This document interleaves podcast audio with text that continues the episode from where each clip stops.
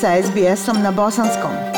Pronađite još sjajnih priča na sbs.com.au kosacrta bosnijan. Aisha, lijep pozdrav tebi i slušateljima SBS radija.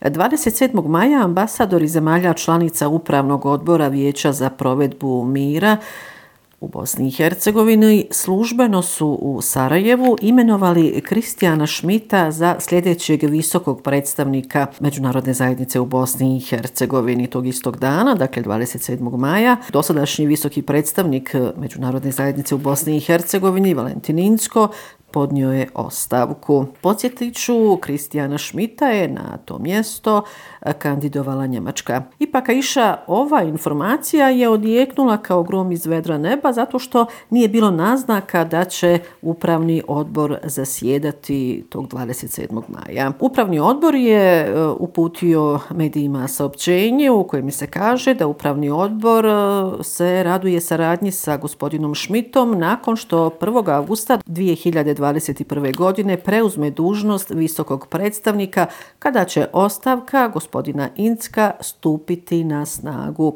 Stoji između ostalog u saopćenju Upravnog odbora Vijeća za provedbu mira. E, moram reći da se Ruska federacija nije složila sa ovom odlukom ambasadora zemalja članica Upravnog odbora e, Vijeća za provedbu mira. E, što se tiče e, domaćih zvaničnika, to je već postalo uobičajeno i praksa. Neki su pozdravili dolazak novog visokog predstavnika, drugi opet nisu i, kako kažu, neće prihvatiti novog visokog predstavnika. To se u prvom redu odnosi na sve političare, odnosno zvaničnike Republike Srpske, koji se, tako reći, ne raduju skorom dolasku novog visokog predstavnika. Predsjedavajući predsjedništva Bosne i Hercegovine, Milorad Dodik, izjavio je da je ostavka visokog predstavnika Valentina Inska blef međunarodne zajednice učinjen da bi došao neko drugi, što on, kako kaže, ne podržava. Oglasio se Hrvatski narodni sabor u pisanom saopćenju i Hrvatski narodni sabor ističe zadovoljstvo i pozdravlja ostavku Valentina Inska i imenovanje Kristijana Šmita za novog visokog predstavnika u Bosni i Hercegovini. E, politički dijalog i kompromis moraju biti načelo stabilnosti i napretka Bosne i Hercegovine, a potpisani sporazum političkih dužnostnika iz juna 2020. godine jamac reformskim procesima ističu iz Hrvatskog narodnog sabora. Predsjedavajući e, Doma naroda Parlamentarne skupštine Bosne i Hercegovine i lider stranke demokratske akcije Bakir Izetbegović e, pozdravlja dolazak e, novog visokog predstavnika. Evo izjave Bakira Izetbegovića. Ja mislim da mi čovjeka koji bolje poznaje situaciju u Bosni i Hercegovini i koji je dobronamjerniji u odnosu na Bosnu i Hercegovinu od gospodina Valentina Inska nećemo dobiti. Samo ćemo možda dobiti čovjeka sa jačim leđima koji će imati jaču potporu pa će neke stvari moći da se urade. Ovako je ostalo na tome da naš prijatelj Insko bude zabrnut jel da se stvari ne dešavaju.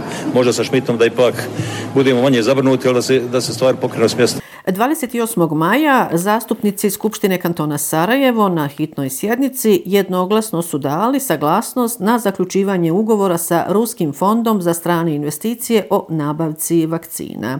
Kanton Sarajevo i vlada Federacije Bosne i Hercegovine još su 15. aprila potpisali sporazum o zajedničkoj nabavci Sputnik V vakcina od Rusije, a dogovoreno je da 40% doza ide kantonu Sarajevo, a 60% vladi Federacije Bosne i Hercegovine, odnosno 200.000 doza za kanton Sarajevo, a 300.000 za Federaciju Bosne i Hercegovine. Na ovoj sjednice Skupštine kantona Sarajevo, premijer kantona Sarajevo Edin Forto prezentirao je rizike potpisivanja ugovora jer je za taj ugovor nadležan sud koji nije u Bosni i Hercegovini te je rečeno da neće biti izdate bankovne garancije.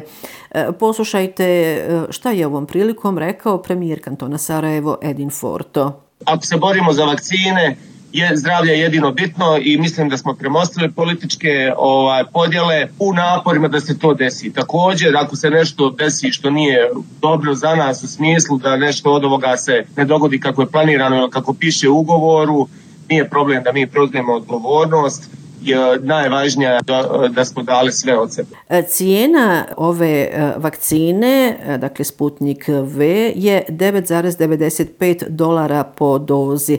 To je zvanično saopćio Edin Forto. E, Sarajevski Bosna lijek će biti uvoznik sa minimalnom zakonskom maržom, a sukcesivna isporuka, kako je Forto najavio, očekuje se već u šestom mjesecu, dakle već u junu, i to 25.000 doza. Naglašeno je i to da kanton ima kapaciteta za skladištenje svih vrsta vakcina, pa dakle i za ovu vakcinu. U svakom slučaju, nadamo se da će e, definitivno kanton Sarajevo dobiti e, ove vakcine koje su eto to e, na ovaj način i direktno kupljene. E, svi u, bar u Evropskoj uniji govore o takozvanom COVID pasošu, a kada će u Bosni i Hercegovini započeti proces izdavanja takozvanog COVID pasoša, Pitanja je na koje za sada nema konkretnog odgovora. Istina, u Ministarstvu civilnih poslova Bosne i Hercegovine, kako su saopćili ovdašnjim medijima, očekuju da se aktivnosti počnu provoditi najkasnije krajem jula. Ministarstvo civilnih poslova Bosne i Hercegovine u zvaničnom saopćenju stoji da je u stalnoj komunikaciji sa svim akterima bitnim za eventualno izdavanje certifikata u vezi eh, COVID-19, dakle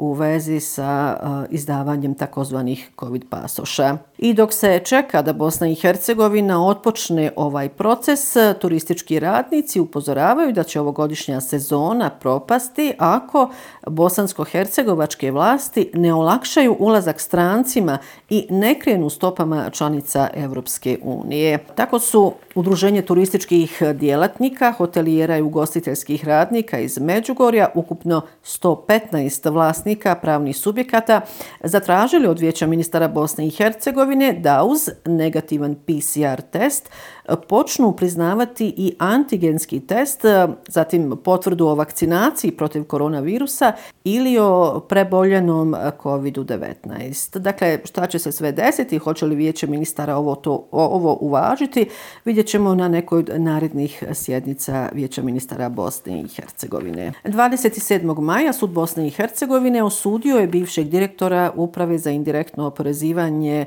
Bosne i Hercegovine Kamala Čauševića na 9 godina zatvora zbog primanja dara i drugih oblika koristi te pranja novca. Riječ je o prvostepenoj presudi na koju postoji pravo žalbe. Za krivično dijelo primanje dara Čaušević je osuđen na 4 godine, a za pranje novca na 6, te mu izrečena jedinstvena kazna od 9 godina zatvora. Od Čauševića se oduzima imovinska korist e, pribavljena izvršenjem krivičnog dijela u vrijednosti od milion i sedamsto hiljada konvertibilnih maraka. Drugo optuženi u ovom slučaju, Ane Sadiković, osuđen je na dvije godine zatvora.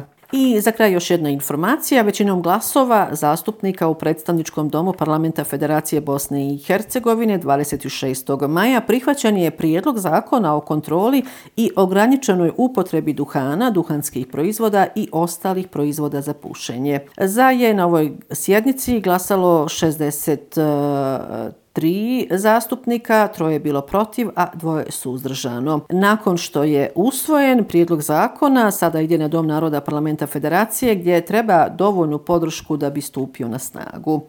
Zakon inače e, predviđa zabranu pušenja u svim zatvorenim javnim prostorima, javnim skupovima, radnim mjestima i u javnom prevozu te privatnim automobilima ukoliko se u njima nalaze maloljetne osobe. Ovaj prijedlog zakona se primjenjuje na duhan, duhanske i ostale proizvode za pušenje, uključujući elektronske cigarete, bezdimne duhanske proizvode i biljne proizvode za pušenje. Eto, Aisha, toliko ovoga puta iz e, glavnog grada Bosne i Hercegovine. Još jednom vam lijepe pozdrave iz Sarajeva šalje Semra Duranović-Koso. SBS na bosanskom. Podijelite naše priče preko Facebooka. Želite poslušati još ovakvih priča? Slušajte preko Apple podcasta, Google podcasta, Spotify ili kako god da primate svoje podcastove.